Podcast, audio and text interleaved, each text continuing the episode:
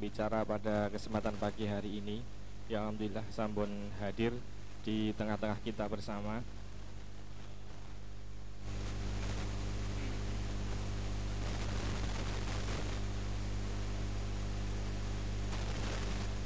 Kami informasikan kepada jamaah kajian Ahad pagi edisi ke-96 pada pagi hari ini untuk format acara pada pagi hari ini nanti berbeda dengan kegiatan Ahad pagi yang sebelumnya.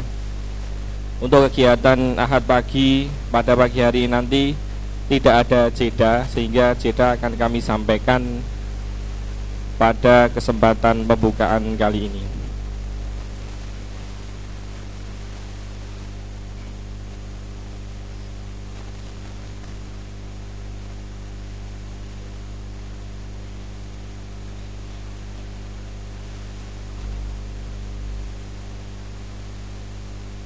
Bismillahirrahmanirrahim. Assalamualaikum warahmatullahi wabarakatuh.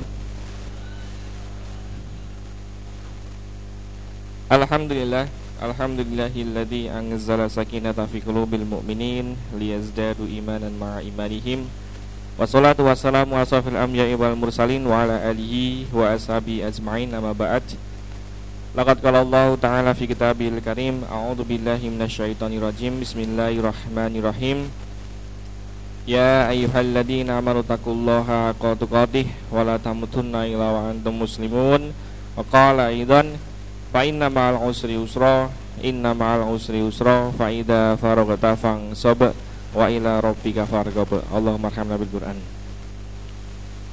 Ewan Wian filah Bapak-bapak, Ibu-ibu jamaah kajian Ahad pagi yang hadir pada kesempatan pagi hari ini Marilah kita awali dengan bersyukur kepada Allah Subhanahu wa taala yang tentunya sampai pada kesempatan pagi hari ini atas izin Allah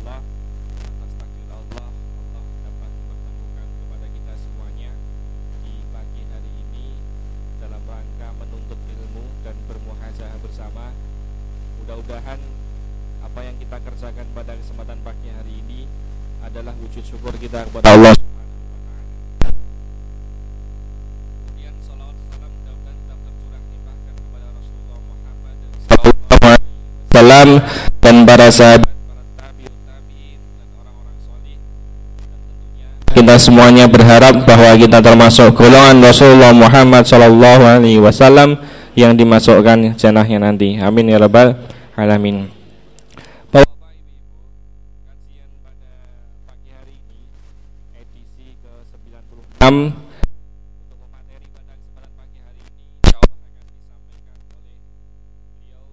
Haji Dahnil Anzar Simanjuntak ME Beliau adalah Wakil Ketua LHKP PP Muhammadiyah. Kemudian juga beliau Ketua Umum PP Pemuda Muhammadiyah Muktamar.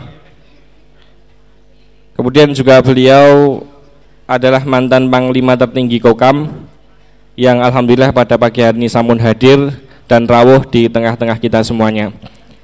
Namun sekali lagi kami sampaikan bahwa pada kesempatan pagi hari nanti format kegiatan Ahad pagi beda dengan yang lalu.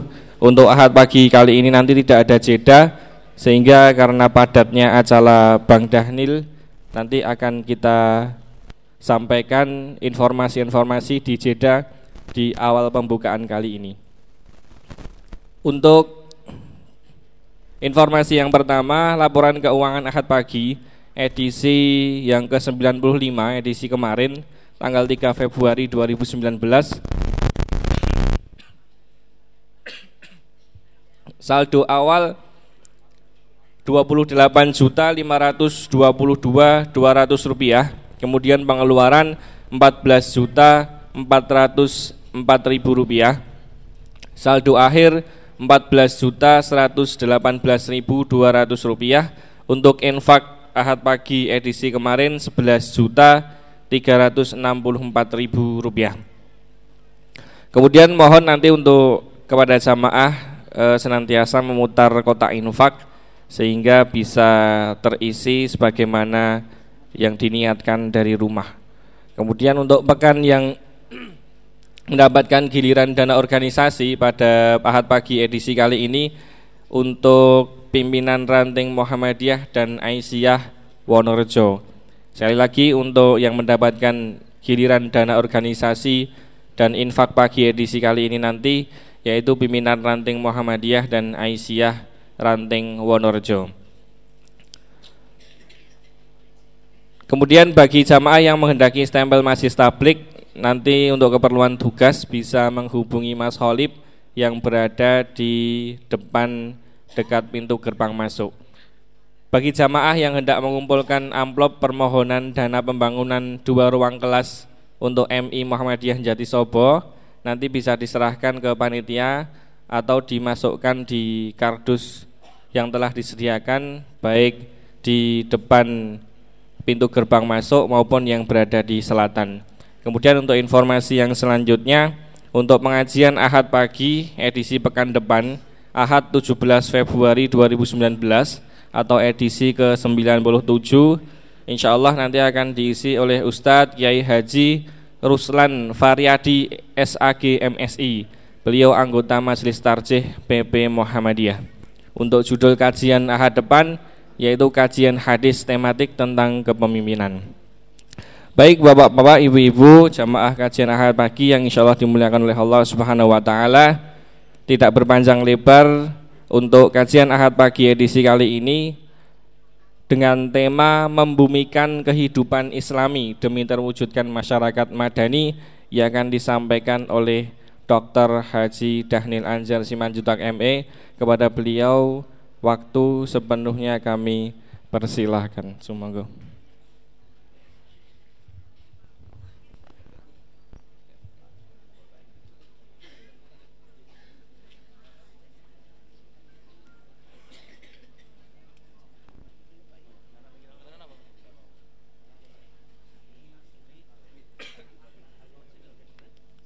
Bismillahirrahmanirrahim Assalamualaikum warahmatullahi wabarakatuh. Alhamdulillahi. Wassalatu wassalamu ala Rasulillah wa ala alihi wa ashabihi wa mawallah. La haula wa la quwata illa billah. Amma ba'da. A'udzu billahi minasyaitonir rajim. Ya ayyuhalladzina amanu taqullah wal tanjur nafsun ma khaddamat ligad wa taqullah innallaha khabirun bima ta'malun. A'udzu billahi minasyaitonir rajim. Wa iza lahum la tufsidu fil ard qalu innama nahnu muslimun. Bapak Ibu yang dimuliakan oleh Allah Subhanahu wa taala jamaah pengajian pimpinan cabang Muhammadiyah Belimbing. Pertama-tama puji syukur kita kepada Allah Subhanahu wa taala karena pada pagi hari ini kita masih bisa bersama-sama berkumpul di majelis pengajian Ahad pagi yang baik ini. Bapak Ibu yang dimuliakan oleh Allah Subhanahu wa taala.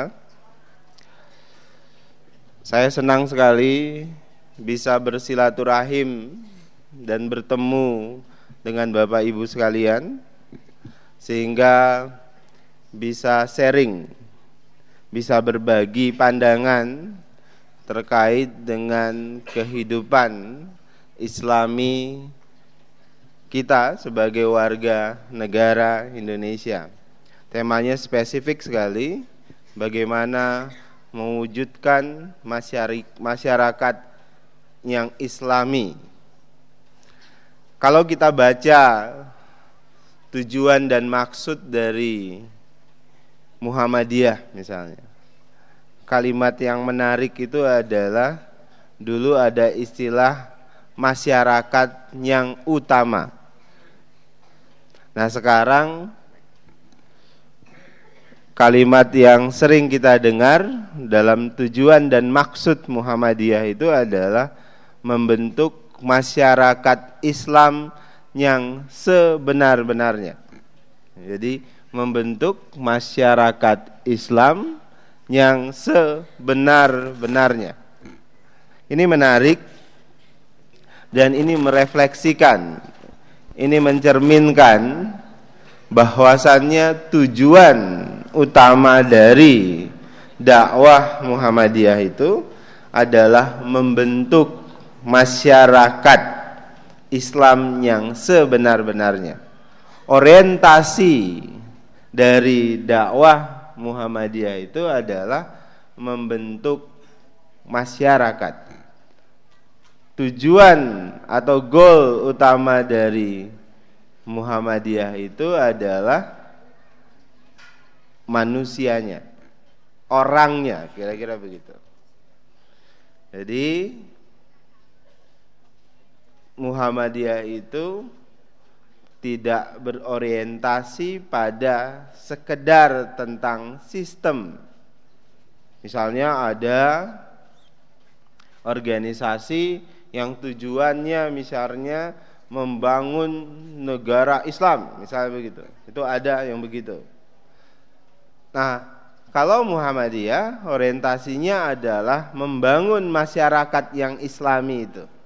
Masyarakat Islam yang sebenar-benarnya. Karena ketika masyarakat Islam yang sebenar-benarnya itu terwujud di mana akhlak Islam itu bisa dihadirkan dalam setiap nafas kehidupannya, maka belimbing misalnya itu akan menjadi sekumpulan masyarakat Islam di mana nilai-nilai Islam itu akan hadir. Tanpa kita berdebat tentang sistem apa yang akan digunakan. Nah, ini menariknya Muhammadiyah itu. Nah, yang kedua, Bapak Ibu sekalian, ini intermezzonya.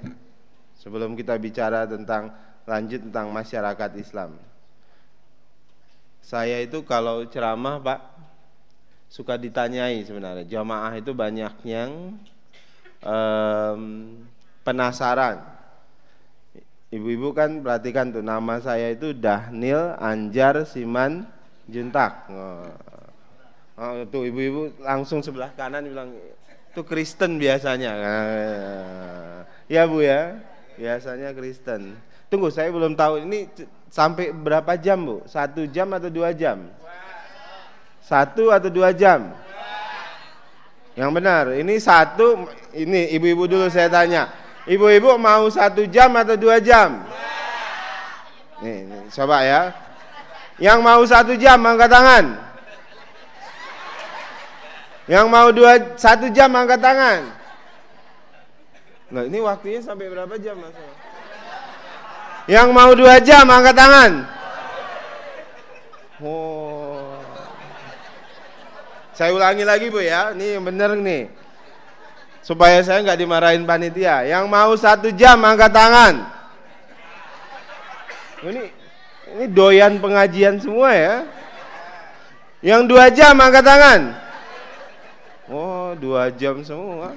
Coba saya cek bapak-bapak dulu. Pak, ini mau satu jam atau dua jam? Satu jam angkat tangan. Ih, ini pengajiannya sampai dua jam mas? Oh. Yang dua jam angkat tangan? Oh, dua jam. Kok dua jam? Berarti dua jam mas ya? Kalau supaya adil, supaya jangan terlalu lama, berarti 30 kali dua gitu aja bu ya. ya. Jadi 30 menit kali dua gitu. Kurang Pak ya. Nah, jadi saya lanjut. Itu tadi apa saya sengaja tadi agak serius di depannya tuh supaya ibu-ibu perhatikan dulu gitu. Nah, jadi itu si Manjuntak, Bu. Memang banyak yang nanya, Mas Daniel Batak itu ya, Bu. Saya pasti orang Batak. Nah, tapi halus betul, Bu. Malah saya penasaran kok yang kasar orang Solo. Jadi sebenarnya ibu bapak sekalian, ini stigma orang Batak itu kasar salah. Ternyata orang Solo lebih garang loh pak. Kemarin saya ceramah di Karanganyar, yang ceramah itu ada Pak Ustadz Nur Hadi namanya. Loh ini orang Sukoharjo, tapi ngomongnya garang begitu loh bu, sangar gitu loh. Saya kalah. Nah berarti stigma yang selama ini mengatakan orang Batak itu galak, itu salah. Orang Sukoharjo lebih galak. Nah, eh, loh, semangat, oke. Jadi nama saya memang Dahnil Anjar Simanjuntak. Bapak saya itu orang Batak, ibu saya itu orang Aceh. Nah, saya lahir di Aceh. Istri saya perempuan. Karena ada sekarang Bu, itu kan ada, ha? Istri saya, anak saya sudah empat. Nah, itu. Ah, istri saya satu kurang dua, dua kurang satu, kira-kira. Jadi apa uh, istri saya asal asli Semarang, jadi orang Jawa Tengah. Nah, jadi mertua saya jadi orang Jawa Tengah, kira-kira begitu. Nah, memang orang suka nanya Mas Daniel ini mualaf, bukan? Saya bukan mualaf, memang dari sononya itu sudah Muslim, kira-kira begitu. Nah, kebetulan saja orang Batak marganya Siman Junta karena bapak saya Siman Junta. Kegi saya lahir di Aceh. Tapi kemudian SMA saya sudah di Jakarta. Jadi sudah campur-campur kegiatannya sudah campur-campur sudah sudah terpapar terpapar banyak budaya sehingga dialeknya itu hilang saya nggak punya dialek gitu, kira-kira begitu itu perkenalannya bu ya supaya jangan penasaran nanti jangan di Imam Suwodo kok yang ceramah pendeta kira-kira gitu kan itu banyak yang begitu. Jadi supaya jelas. Nah, tadi sampai mana, Bu? Oh, satu jam, dua jam. Baik, saya lanjut. Masyarakat Islam yang sebenar-benarnya. Nah, membentuk masyarakat Islam yang sebenar-benarnya itu tentu kita butuh perangkat. Selain Muhammadiyah, kita juga butuh yang namanya negara, Pak. Nah, negara tentu harus ditentukan dan harus dipimpin oleh orang-orang yang punya tujuan sama dengan kita dan punya keinginan untuk membentuk masyarakat Islam yang sebenar-benarnya itu. Muhammadiyah saja cukup enggak? NU saja cukup enggak? Enggak cukup. Harus ada peran negara. Harus ada peran pemimpin. Itu pentingnya pemimpinnya harus berpihak terhadap nilai-nilai Islam, harus berpihak terhadap masyarakat Islam. Nah, sekarang ini Bapak Ibu sekalian, kondisi kebangsaan kita, kondisi keumatan kita seperti ayat yang tadi di muka dimah saya bacakan yaitu surat Al-Baqarah ayat 11 wa iza kilalahum la tufsidu fil qalu inama nahnu muslihun. Jadi kondisi sekarang ini Pak kalau kita misalnya kita bilangin gitu ya. Wa iza kilalahum la tufsidu fil at eh jangan lakukan kerusakan dong kira-kira bahasa bebasnya begitu. Jangan lakukan kerusakan dong di muka bumi. Kita peringatkan begitu. Kita sebagai muslim, sebagai warga Muhammadiyah misalnya karena punya semangat dakwah amar ma'ruf nahi mungkar kita ingatkan eh kalian jangan melakukan kerusakan dong di muka bumi. Kita kritik kira-kira begitu. Kita ajak supaya jangan melakukan kerusakan di muka bumi. Apa mereka bilang? Kolu inama nahnu muslihun mereka bilang enggak kok kami enggak melakukan kerusakan kami justru melakukan perbaikan. Jadi dia melakukan kerusakan sebenarnya tapi dia merasa itu adalah kebaikan. Nah, ini berbahaya, Bu. Orang yang sedang melakukan kerusakan tapi tidak sadar dia sedang melakukan kerusakan. Malah justru dia menganggap dirinya sedang melakukan perbaikan. Gimana tuh contohnya? Nah biasanya ini dilakukan oleh mereka-mereka yang tidak mau dikritik, tidak mau dinasehati. Saya berikan contoh Pak. kan sekarang ini kita sering kali umat Islam sebagian ini ibu-ibu saya tanya ibu-ibu ini ada nggak yang ke Jakarta? Misalnya ada aksi 212 gitu. Ada nggak bu? Ada. Banyak. Oh banyak. Bapak-bapak banyak. Bapak-bapak ada pak? Banyak. Banyak tapi yang jawab dua orang. Sebutlah Bapak Ibu nih yang di Sukoharjo sering kali kita dituduh kalau kita terlalu banyak ngomongin Islam pasti kita dituduh Islam radikal. Dikit-dikit ngomong Islam. Nanti politik ngomongin Islam. Nanti tentang sekolah ngomongin Islam. Tentang ekonomi ngomongin Islam. Kalau terlalu banyak ngomong Islam kita dituduh radikalis. Dituduh ekstremis. Bahkan ada yang nyebut udahlah kalau berpolitik nggak nggak usah bawa-bawa Islam. Jadi Islam itu jangan dibawa-bawa ke politik, misalnya begitu. Padahal kalau model saya, ibu-ibu, bapak-bapak di sini kan kita nggak bawa Islam dalam politik sedikit-sedikit, tapi banyak-banyak.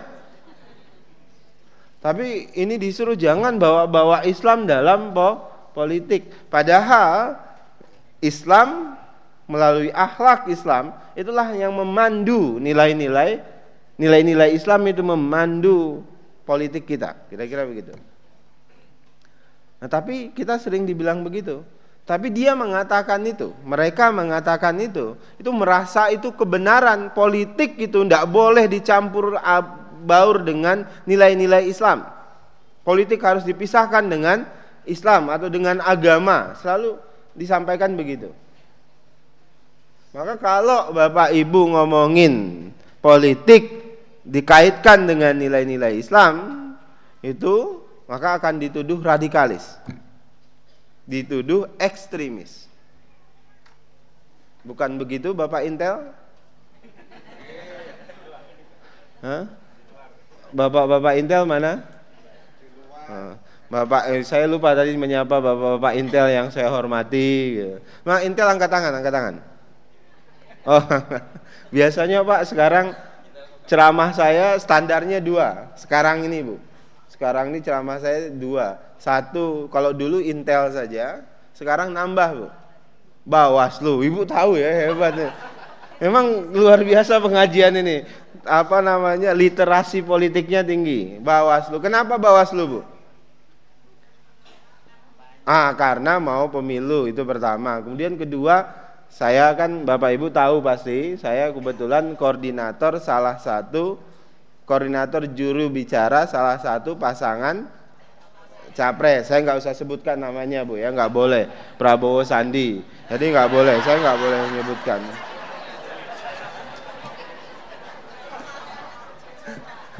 Nggak boleh saya sebutkan. Jadi sedikit-sedikit kalau dikaitkan dengan politik Islam itu kita disebut radikalis, disebut ekstremis dan sebagainya.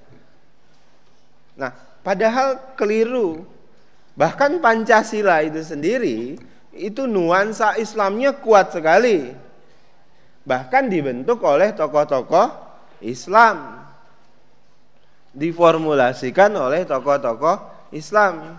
Jadi kalau kemudian ada orang berpendapat misalnya nilai-nilai Islam nggak usah bawa-bawa Islam dalam kehidupan berbangsa dan bernegara itu keliru bahkan itu yang menyatakan mereka tidak paham Indonesia tidak paham kehidupan berbangsa dan bernegara apalagi kalau yang dituduh radikalis itu adalah Muhammadiyah karena tujuan dari Muhammadiyah itu adalah membentuk masyarakat yang Islam yang sebenar-benarnya. Orientasinya adalah masyarakat Islam.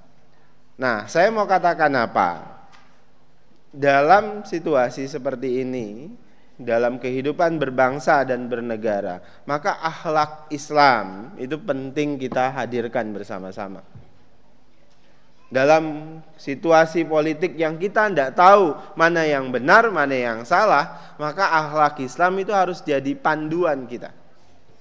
Nah, saya berikan contoh dalam satu peristiwa. Jadi dalam satu kesempatan, Pak, saya pernah waktu itu saya masih jadi ketua umum pimpinan pusat pemuda Muhammadiyah. Saya didatangi oleh sekelompok pengacara yang mengatasnamakan diri mereka itu sebagai orang yang mensosialisasikan Pancasila dari pihak pemerintah. Datang ke saya. Datang ke saya dengan bersama teman-teman pemuda Muhammadiyah pada saat itu mereka sampaikan dua hal. Dua hal pertanyaan. Saya terima dengan kawan-kawan. Pertanyaan pertama mereka sampaikan begini, Mas Daniel, apa sih bedanya uh, apa Muhammadiyah dengan HTI? Dia bilang gitu. Kenapa Muhammadiyah nggak setuju dengan Perpu pembubaran HTI? Waktu itu dia bilang begitu. Saya ini mulai kesal dengan pertanyaan ini. Kok pertanyaannya beda Muhammadiyah dengan HTI? Ya jelas beda. Tapi saya jawab, Pak. Saya bilang, Mas, Muhammadiyah itu goalnya tadi seperti saya jelaskan masyarakat Islam yang sebenar-benarnya. Orientasi Muhammadiyah itu manusia. Orientasi Muhammadiyah itu adalah bagaimana mendorong perubahan pada pola pikir masyarakat supaya masyarakat jadi well educated. Terdidik kira-kira begitu, pinter, cerdas. Orientasinya itu. Sedangkan HTI orientasinya adalah bikin membentuk sistem pemerintahan yang Islam atau khilafah. Beda jauh. Terus kenapa nggak setuju dengan pembubaran Perpu waktu itu, pembubaran HTI? Nah ini bedanya perspektif Muhammadiyah dengan pemerintah dan ini sebagai kritik bagi Muhammadiyah, ideologi itu sulit di dilawan dengan cara-cara subversif. Subversif itu dengan cara-cara tutup, bubar gitu. Bukan begitu. Pemikiran harus dilawan dengan pemikiran. Pemikiran jangan dilawan dengan kekerasan. Kalau mereka salah, luruskan. Kalau mereka salah, lempengkan, kira-kira begitu. Kenapa? Kalau ideologi Pak dibubarkan, apalagi isinya itu anak-anak muda, itu mereka akan tambah tambah militan. Coba nih anak-anak muda, kalau mereka semakin ditekan, semakin melawan Pak.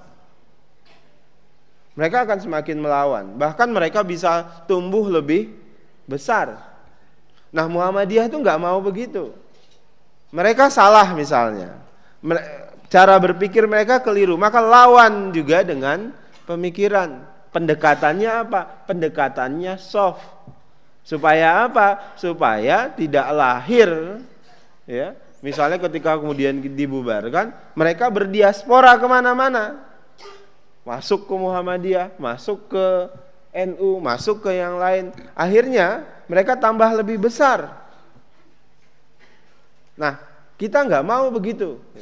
Kita ingin kalau ada yang salah dengan itu dilawan pakai pemikiran. Makanya kan ketika saya jadi ketua umum pemuda Muhammadiyah, kokam misalnya, saya larang itu ikut bubar-bubari. Meskipun mereka berbeda. Datangi, ikut diskusi. Lawan pakai pemikiran. Pemikiran lawan pakai pemikiran, Bu. Kenapa? Karena pemikiran itu nggak bisa dihukum. Pemikiran itu nggak bisa ditangkap. Orang di penjara saja dia bisa nulis buku.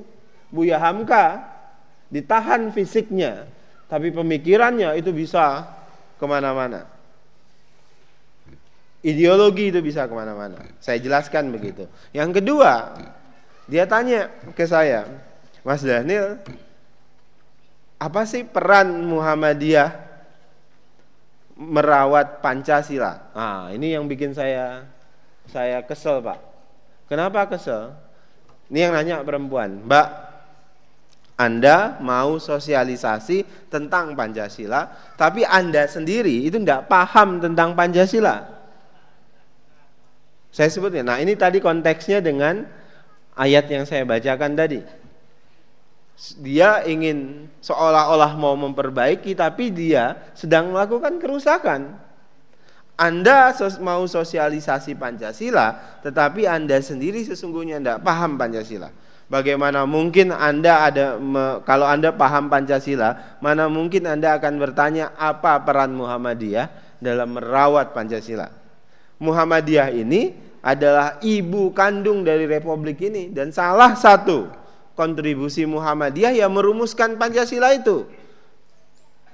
Ki Bagus Hadikusumo, Kahar Mujakir, ada Kasman Singodimejo, semua adalah tokoh-tokoh utama dalam PPKI dan BPU PKI yang merumuskan Pancasila itu. Apalagi sekarang Muhammadiyah menyebut Pancasila itu sebagai Darul Ahdi Wasyahadah. Jadi sudah selesai bagi Muhammadiyah. Kesepakatannya sudah selesai bagi Muhammadiyah. Sekarang momentumnya apa? Momentumnya pembuktian. Membuktikan Pancasila itu mampu nggak bisa mensejahterakan? Mampu nggak Pancasila itu bisa memakmurkan? Mampu nggak Pancasila itu membantu menghadirkan keadilan sebagai ideologi nah tentu semua dari dimensi dari Pancasila itu kompatibel nggak dengan nilai-nilai Islam Kompatibel, kompatibel itu bahasanya apa ya Pak? Sesuai enggak? Sesuai. Tidak ada yang bertentang dengan nilai-nilai Islam. Maka kalau ada orang ngomong, ada tuh bu partai, bilang apa namanya, udah politik jangan disamakan dengan agama, jangan bawa-bawa agama ke politik. Politik harus dipisahkan dengan agama. Ada bukan yang begitu ngomong? Saya nggak usah sebut partainya, PSI. Itu begitu. Jadi ada tuh yang begitu. Dia nyebut berulang kali begitu. Padahal Pancasila itu, dia kampanye Pancasila nih Pak. Kita harus hidup, harus bersesuaian dengan Pancasila. Tapi ngomongnya politik harus dipisahkan dengan agama. Artinya apa? Artinya dia sendiri itu anti Pancasila. Tapi ngomong tentang Pancasila. Ini tadi konteksnya ayat tadi itu. Banyak yang begitu sekarang. Dia tidak paham Pancasila, tapi ngomong dan sok mau kampanye tentang nilai-nilai Pancasila. Nah ini masalah kita sekarang. Coba ibu bayangkan ada apa-apa namanya pihak politisi datang ke kita mau ceramah tentang Pancasila. Padahal dia sendiri nggak paham tentang Pancasila. Yang diceramahi lebih paham.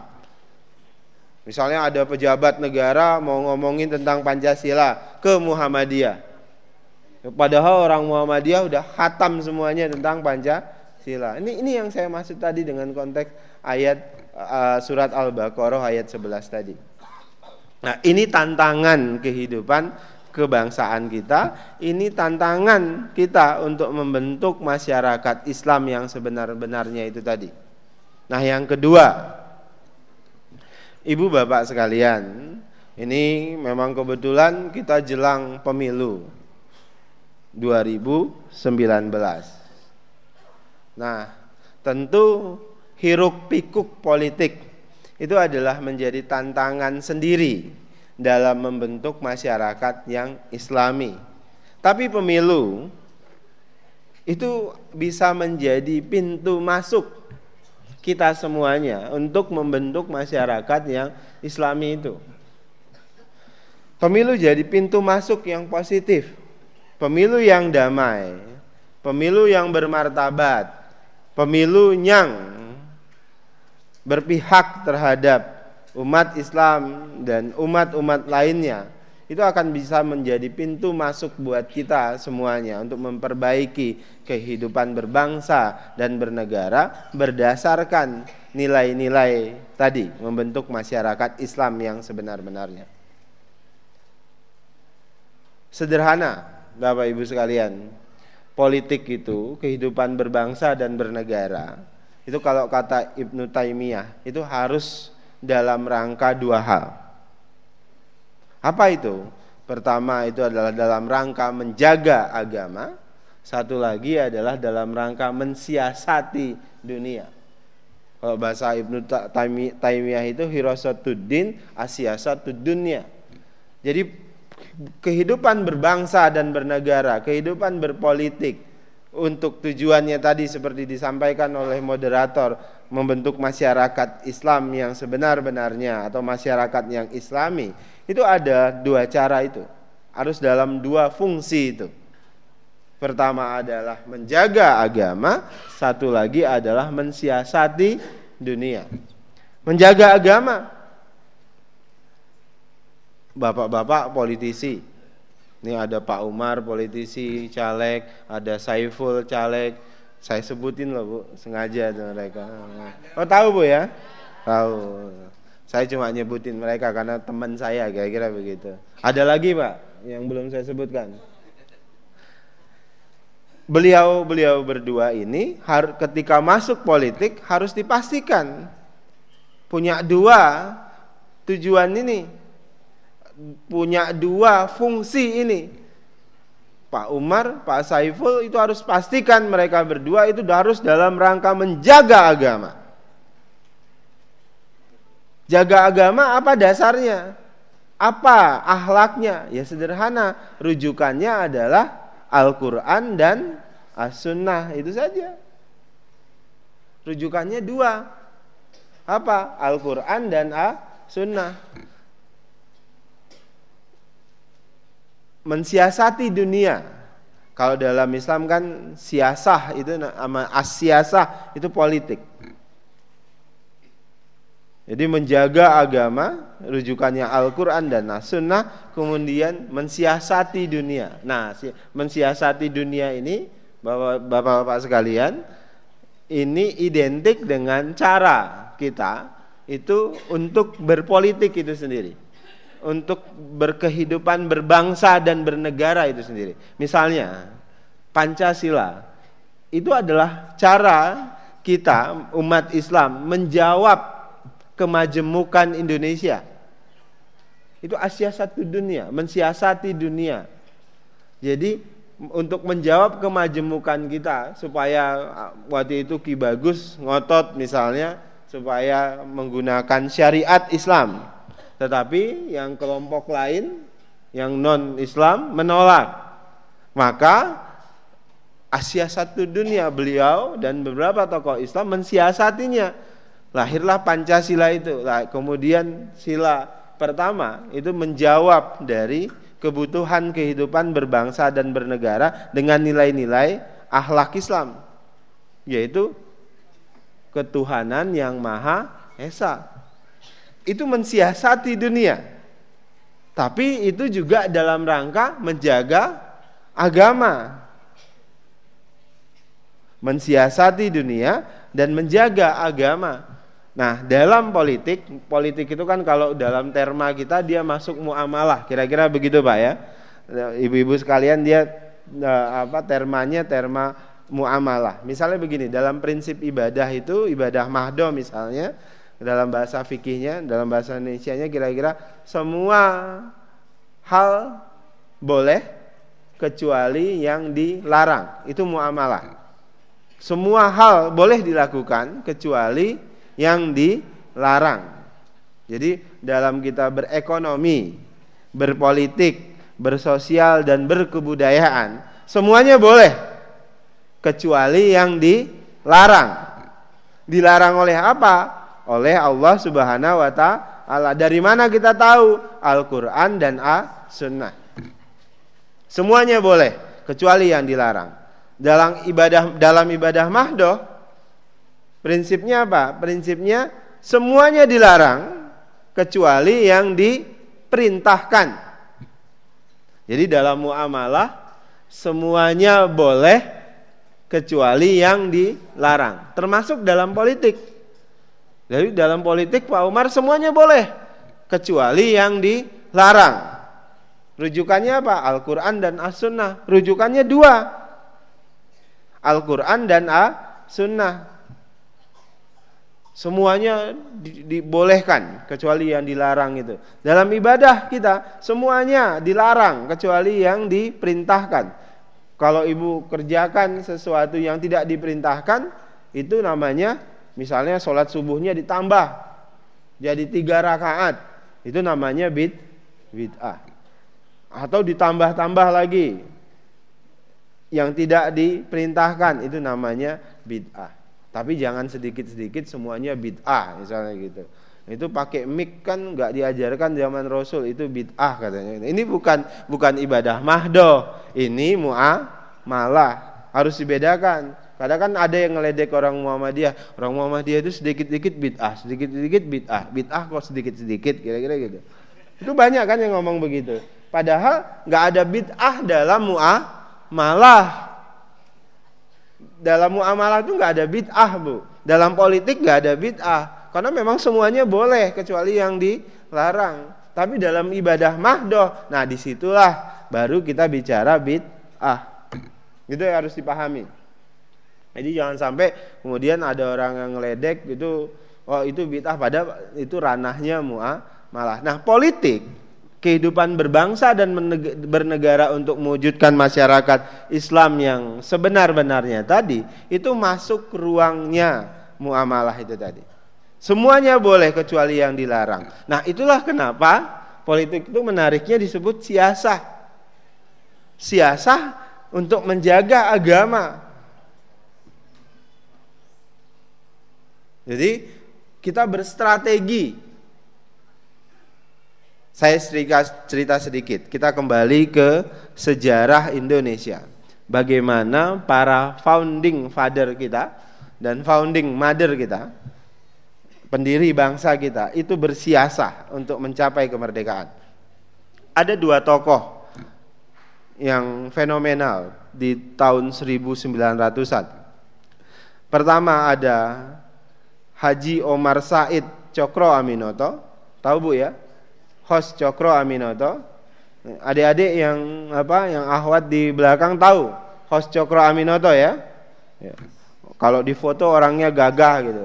Yang enggak enggak enggak jauh apa lah enggak jauh beda dengan ibu-ibu ini. Pak, satu lagi Pak ada uh, Kiai Dahlan, Mbah Dahlan. Saya berikan dua, bukan berarti tokoh lain enggak enggak punya peran. Saya cuma mau memberikan contoh bagaimana dua tokoh yang berbeda ini, berbeda nih Pak, itu melakukan siasah dan saling melengkapi.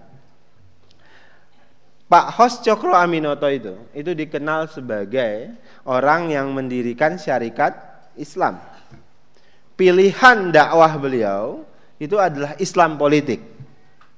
Karena syarikat Islam yang beliau dirikan itu sikapnya terang, non kooperatif dengan Belanda. Ingin mewujudkan kemerdekaan Indonesia. Itu tegas di SI. SI menyatakan begitu. Non kooperatif, kita melawan Belanda. Beliau membentuk SI, Syarikat Islam. Yai Dahlan atau Mbah Dahlan berbeda Yai Dahlan justru kooperatif. Kooperatif dengan pemerintah pada saat itu.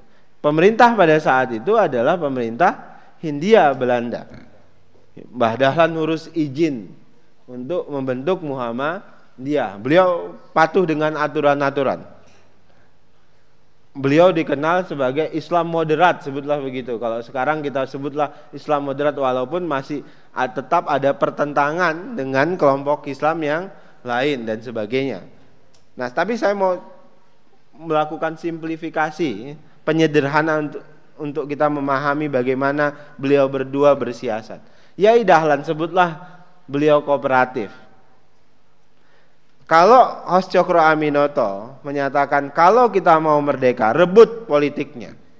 Maka beliau kita sebutlah Islam politik pada saat itu. Nah, Mbah Dahlan kalau kita merdeka, harus kita pastikan dulu yang bisa memerdekakan kita adalah masyarakat kita, penduduk kita, warga negara kita. Itu cerdas, pinter, sehat, sehingga mereka siap merebut kemerdekaan itu. Ketika kemerdekaan itu di tangan kita, kita bisa mengisi kemerdekaan itu, kemudian kita tidak dibodohi oleh bangsa lain. Kira-kira begitu cara berpikir Mbah Dahlan. Jadi Mbah Dahlan itu mulai dari membentuk masyarakatnya. Ketika masyarakatnya pinter, ketika masyarakatnya sehat, secara otomatis kemerdekaan itu akan diperoleh. Kalau host Cokro Aminoto kita rebut dari Belanda. Rebut politiknya, politiknya itu arti usir Belanda. Dua-duanya punya tujuan yang sama nggak bu? Sama. Dua-dua tokoh ini ingin merebut kemerdekaan Indonesia, ingin menghadirkan nilai-nilai Islam dalam kehidupan berbangsa dan bernegara. Tujuan beliau ini sama, tapi caranya beda. Tapi apakah dalam sejarah kita, ibu bapak pernah melihat Pak Hos Cokro Aminoto menegasikan, menegasi itu kan menihilkan, menidakkan Mbah Dahlan Dahlan itu pengecut. Misalnya begitu. Kalau zaman apa zaman sekarang nanti Pak Hos Cokro Aminoto bikin di Twitter. Ahmad Dahlan itu pengecut. Nah, kira-kira begitu. Kalau kalau kita ibaratkan kita berhayal Mbah Dahlan dan Pak apa Hos Cokro Aminoto hidup di zaman sekarang. Dia nge-tweet, Mbah Dahlan itu pengecut. Sok-sok moderat, kira-kira gitu. Dibalas lagi oleh Mbah Dahlan Mbah Dahlan nge-tweet juga, itu host Cokro Aminoto radikal. Keras, kira-kira begitu, Pak. Itu nggak terjadi. Bahkan mereka nge-tweet, saya Mbah Dahlan nge-tweet, saya dukung perjuangan host Cokro Aminoto. Kemudian Pak apa Pak host Cokro Aminoto bilang, saya selalu berkonsultasi dan berdialog dengan Mbah Dahlan. Kira-kira gitu. Kira-kira kalau ini khayalan kita, kita tarik ke zaman sekarang. Nah, itu tidak terjadi. Pak Hos dan Mbah Dahlan itu nggak pernah saling mendegasikan. Nuduh Pak Hos itu radikalis atau Pak Hos nuduh Pak Mbah Dahlan itu pengecut. Tidak begitu. Coba kita perhatikan. Kenapa saya sebut begitu? Mbah Dahlan malah justru mendukung full host Cokro Aminoto. Walaupun cara mereka berbeda nih, Pak. Dari mana kita bisa tahu Mbah Dahlan mendukung full host Cokro Aminoto? Murid-murid Mbah Dahlan itu menjadi motor dari SI. Sebut ada Haji Fahrudin. Haji Fahrudin itu sekretaris Muhammadiyah pada saat itu. Ibu tahu kan Haji Farudin, ibu-ibu Aisyah nih? Loh, nggak tahu. Haji Farudin itu yang kasih nama Aisyah. Ibu-ibu pernah nonton film Nyai Dahlan nggak? Pernah bu ya? Nah waktu di, di film itu ngelihat nggak ada dialog antara Haji Fahrudin, Mbah Dahlan dan Nyai Walida? Tonton kan bu? Ya kan? Nah, siapa yang menyampaikan dialog itu? Haji Fahrudin kan yang nyebut. Ibu tahu nggak siapa bintangnya di film itu? Haji Fahrudinnya. Wah, enggak. Ini ibu nonton film Nyai Dahlan nggak? Udah nonton bu? Di situ ada Haji Fahrudin yang me, apa yang mengusulkan nama Aisyah. Nah yang memerankan Haji Fahrudin di film itu namanya Dahnil Anjar Simanjuntak bu. Oh nggak tahu pak. Aduh. Berarti saya sebagai bintang film pada saat itu gagal. Oh atau sukses pak sampai beliau-beliau ini nggak kenal. Oh, berarti acting saya waktu itu keren bisa dapat citra. Ya. Jadi gini-gini saya artis bu. Pernah main film. Nah Haji Fahrudin itu aktif di SI, bahkan jadi motor SI, Pak. Jadi motor SI. Beliau jadi motor SI. Yang menggerakkan SI itu Haji Fahrudin dan beberapa tokoh-tokoh Muhammadiyah. Bahkan waktu itu ada Haji Misbah. Haji Misbah belum jadi SI kiri nih, Pak, kiri merah. Haji Misbah itu Muhammadiyah. Haji Misbah memang Muhammadiyah ini unik-unik. Jadi ada yang ke kiri, ada yang ke kanan dan macam-macam. Nah, Haji Misbah, Haji Fahrudin itu jadi motornya SI. Mbah Dahlan itu selalu jadi penasehat dari Pak Hos Cokro Aminoto. Pak Hos kalau terkait misalnya dengan kesehatan, kita butuh dokter, itu ngadu ke Mbah Dahlan, Pak. Klinik Mbah Dahlan bisa dipakai enggak untuk perjuangan? Jadi mereka saling bantu membantu walaupun cara mereka itu berbeda. Tidak pernah saling nuduh. Tidak pernah saling nuduh. Nah, dalam satu sejarah, dalam skin sejarah, dalam satu peristiwa sejarah terjadi penghinaan terhadap Kanjeng Rasulullah yang dilakukan oleh salah satu bulutin pada saat itu. Ini bulutin saya lupa namanya. Nanti coba ibu bapak kalau anak muda nih Google. Ada satu bulutin yang menghina kanjeng Rasulullah. Apa yang dilakukan Pak Hos Cokro Aminoto? Pak Hos marah sekali. Umat Islam pada saat itu marah sekali. Pak Hos Cokro Aminoto itu menghimpun kekuatan umat Islam untuk protes besar-besaran. Beliau yang mimpin langsung. Demo besar-besaran Pak berjilid-jilid juga lah kira-kira waktu itu. Demo besar-besaran. Pasukan demo itu Pak Hos Cokroaminoto nyebutnya sebagai pasukan Kanjeng Roso. Beliau menuntut supaya Belanda menutup bulutin ini, majalah ini, koran ini. Tutup. Kemudian minta Belanda untuk menangkap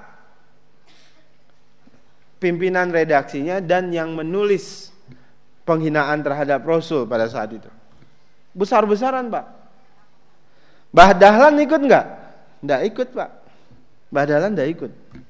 Tapi murid-muridnya Haji Fahrudin segala macam ikut nggak? Mereka justru yang jadi motornya di bawah pimpinan Hos Cokro Aminoto. Mbah Dahlan kalau ditanya Mbah Dahlan ikut nggak? Kira-kira begitu jawab. Nggak, saya nggak ikut saya menyerahkan keputusannya kepada Belanda. Ada baiknya ya ditutup, kira-kira begitu. Tapi nggak ikut demo nih Mbah Dalan Pak. Tapi murid-muridnya itu ikut. Haji Fahrudin, yang lain itu ikut. Pernah nggak Mbah Dalan bilang itu salah cara Hos Cokro Aminoto, demo-demo begitu. Itu bukan cara kita. Nggak pernah. Bahkan saling mendukung. Atau Pak Hos bilang itu Mbah Dahlan nggak peduli dengan penghinaan terhadap Islam. Nggak pernah Pak. Mereka justru saling menguatkan. Jadi ada ta'liful kulub ada ikatan hati yang kuat antara dua tokoh Islam ini dan tokoh-tokoh Islam pada saat itu. Kenapa? Ya karena mereka memang berpegang teguh pada tali agama Allah wa tasimu bihablillahi jami'aw wa. Jadi berpegang teguhlah kalian pada tali agama Allah dan jangan berpecah belah. Sekarang kita berpecah belah, Pak. Satu tokoh Islam menyebut kelompok Islam yang lain itu sebagai kelompok radikal. Yang satu menuduh kelompok yang lain itu sebagai kelompok pengecut dan macam-macam. Kita berpecah belah. Ditambah lagi ketika masuk musim po politik seperti ini. Nah, itu kalau yang menang nanti yang di sana, maka Islam radikal akan berkuasa. Ya, gitu. Sering nggak Pak dengerin begitu? Sering. Itu kalau mereka yang menang nanti Islam radikal yang menang. Jadi tuduhan-tuduhan itu sering kali juga dialamatkan kepada saudaranya sendiri. Tapi yang menyampaikan juga adalah tokoh Islam. Kenapa? Karena memang banyak dari kita itu tidak berpegang teguh pada tali agama Allah. Apa sebabnya? Kira-kira gitu pertanyaannya. Sebabnya apa? Sederhana, Pak. Lihat saja kita kembali ke sejarah. Bagaimana perang Badar kita sukses gemilang? Karena 300 pasukan Rasul pada saat itu itu militan dan patuh terhadap Rasul. Tapi apa yang terjadi ketika perang Uhud? Kita kucar kacir. Kenapa? Karena ada sekelompok dari pasukan Uhud yang tidak patuh. Ada 50 pemanah yang diperintahkan Rasul tinggal di Bukit Uhud apa pun yang terjadi. Jangan bergerak, tetap berdiri di situ. Tapi ketika kemudian pasukan Rasulullah sudah hampir memukul mundur kafir Quraisy pada saat itu dan hampir menang, sebagian dari pasukan Rasul itu menguti gonimah, Pak. Menguti gonimah, Quraisy mulai mundur. Yang di atas 50 ini berdebat. Eh, kalau kita nggak turun, kita nggak dapat gonimah. Ini 50 orang ini, Bu. Padahal mereka sudah diperintahkan jangan bergerak apa pun yang terjadi. Itu perintah Rasul. Nah, tapi kemudian hampir menang nih di bawah pasukan kafir Quraisy mulai mundur dan meninggalkan banyak gonim apa harta rampasan perang ini mulai dipungut-punguti. Nah, ini nggak bisa nggak kebagian nih yang 50 katanya. Akhirnya apa? Mereka berdebat di antara mereka. Yang terjadi adalah sebagian dari mereka itu turun akhirnya sekitar 30 orang atau 20 orang nanti dicek lagi di literaturnya itu turun ke bawah. Tinggallah sekitar sebutlah 20 orang di atas di atas bukit itu. Apa yang terjadi?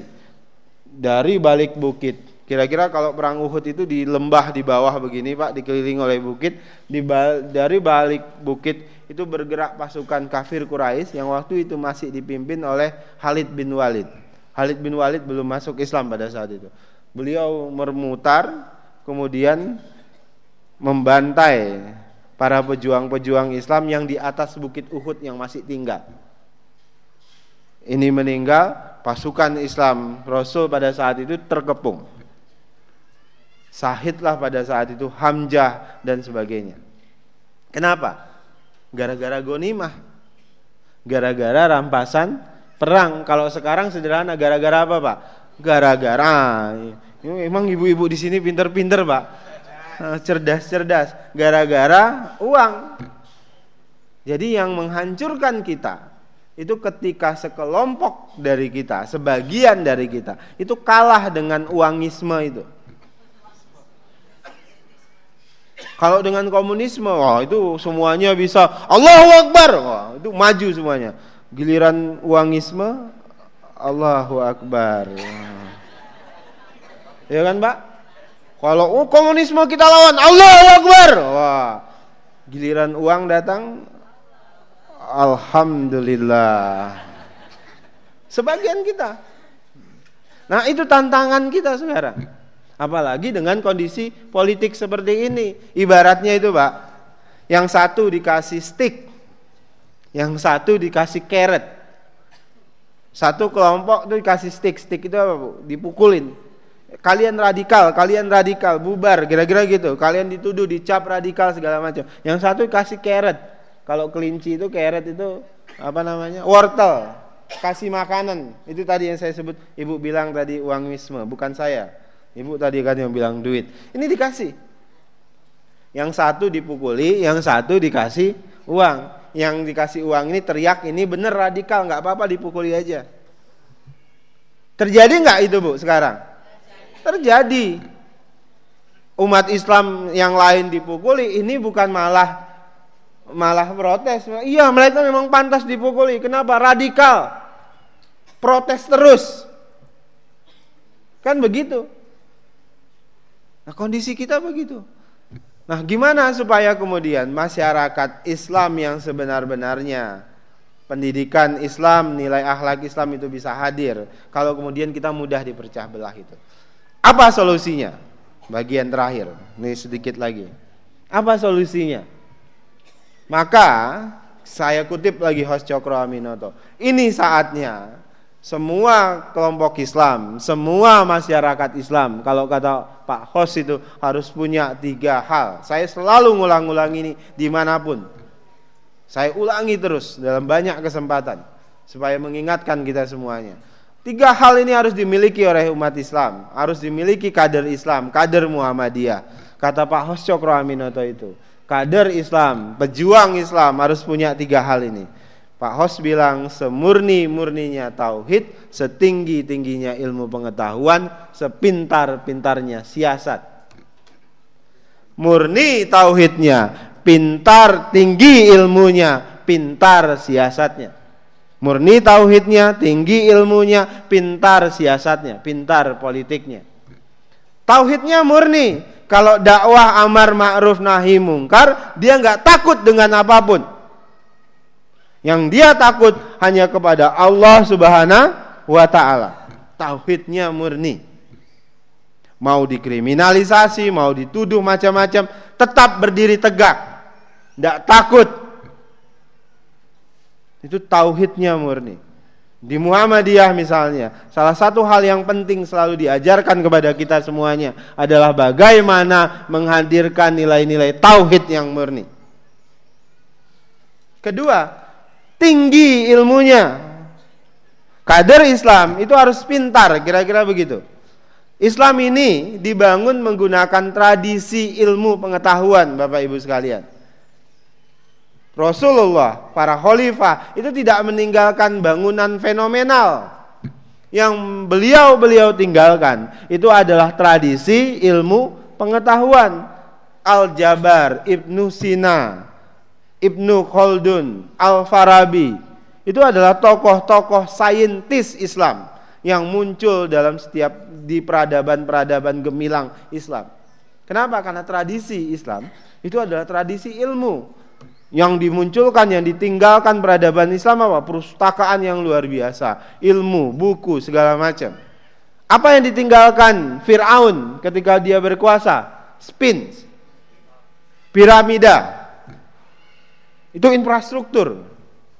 Dia tinggalkan yang namanya yang namanya spins piramida.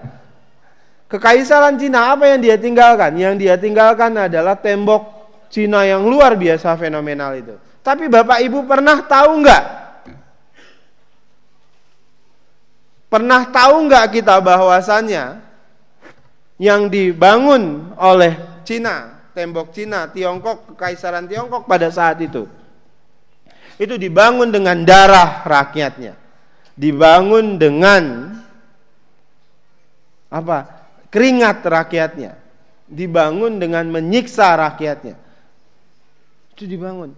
Sedangkan peradaban Islam itu dibangun dengan tradisi keilmu, keilmuan. Tradisi ilmu yang tinggi, ilmunya tinggi.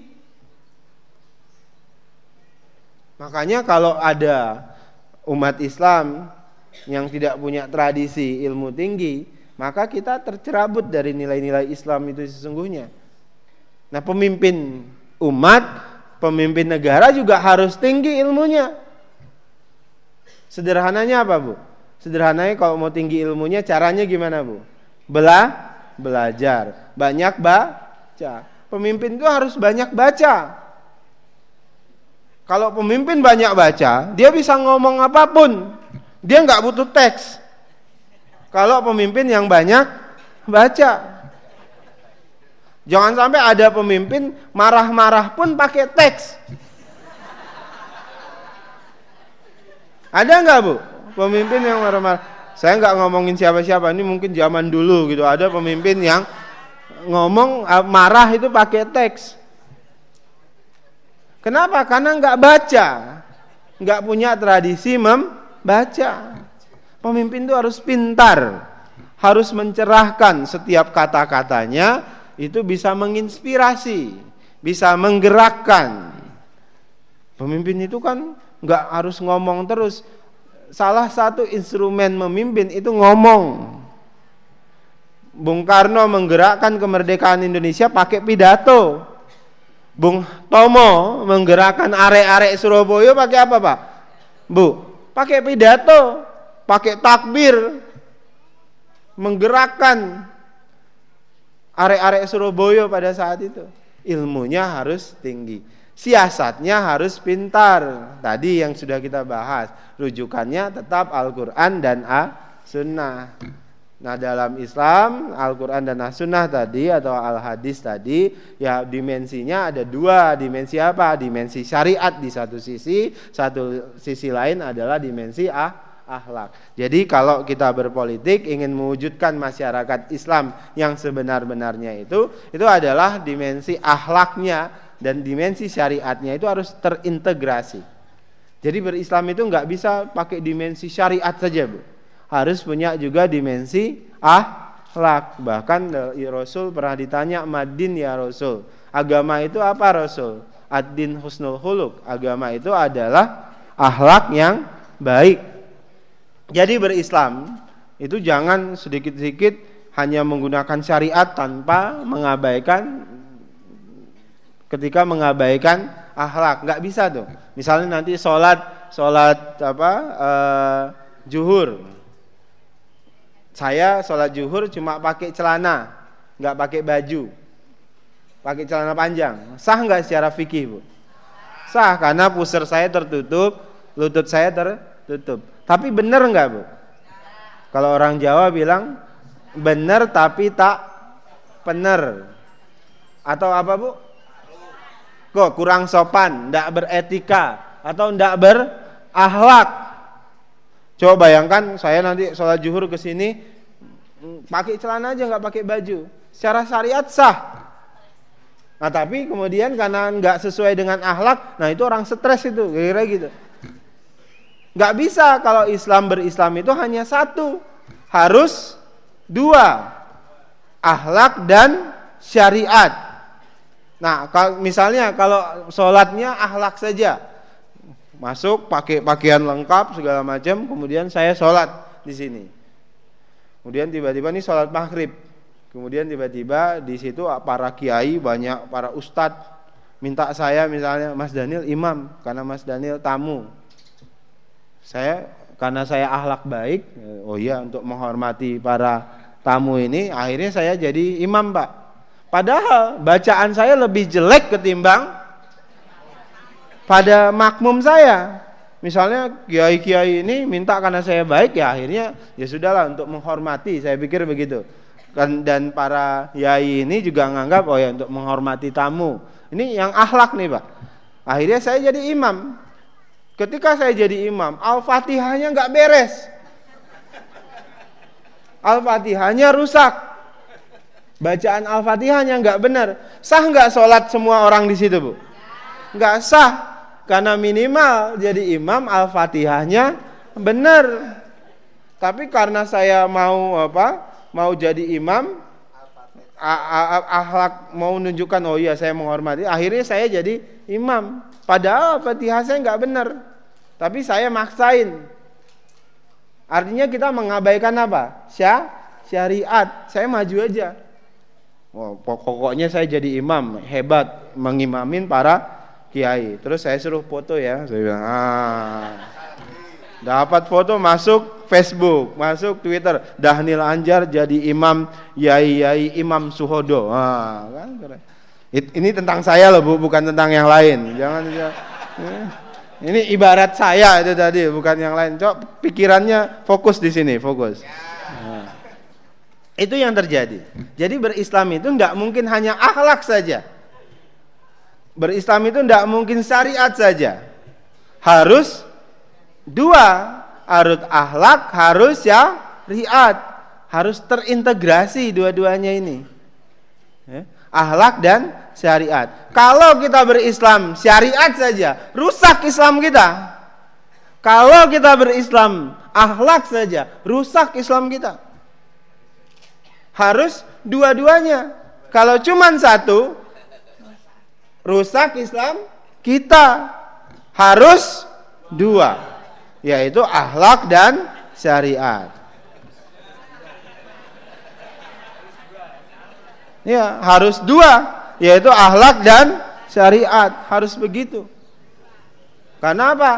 Itu tadi berislam itu mengintegrasikan nilai akhlak dan syariat. Sehingga masyarakat yang islami, masyarakat Islam yang sebenar-benarnya itu bisa hadir di Indonesia. Saya pikir itu yang bisa saya sampaikan. Kurang lebihnya saya mohon maaf. Fastabikul khairat. Wassalamualaikum warahmatullahi wabarakatuh. Jazakallah khairan kasiran kepada Bang Dahnil atas materinya pada kesempatan pagi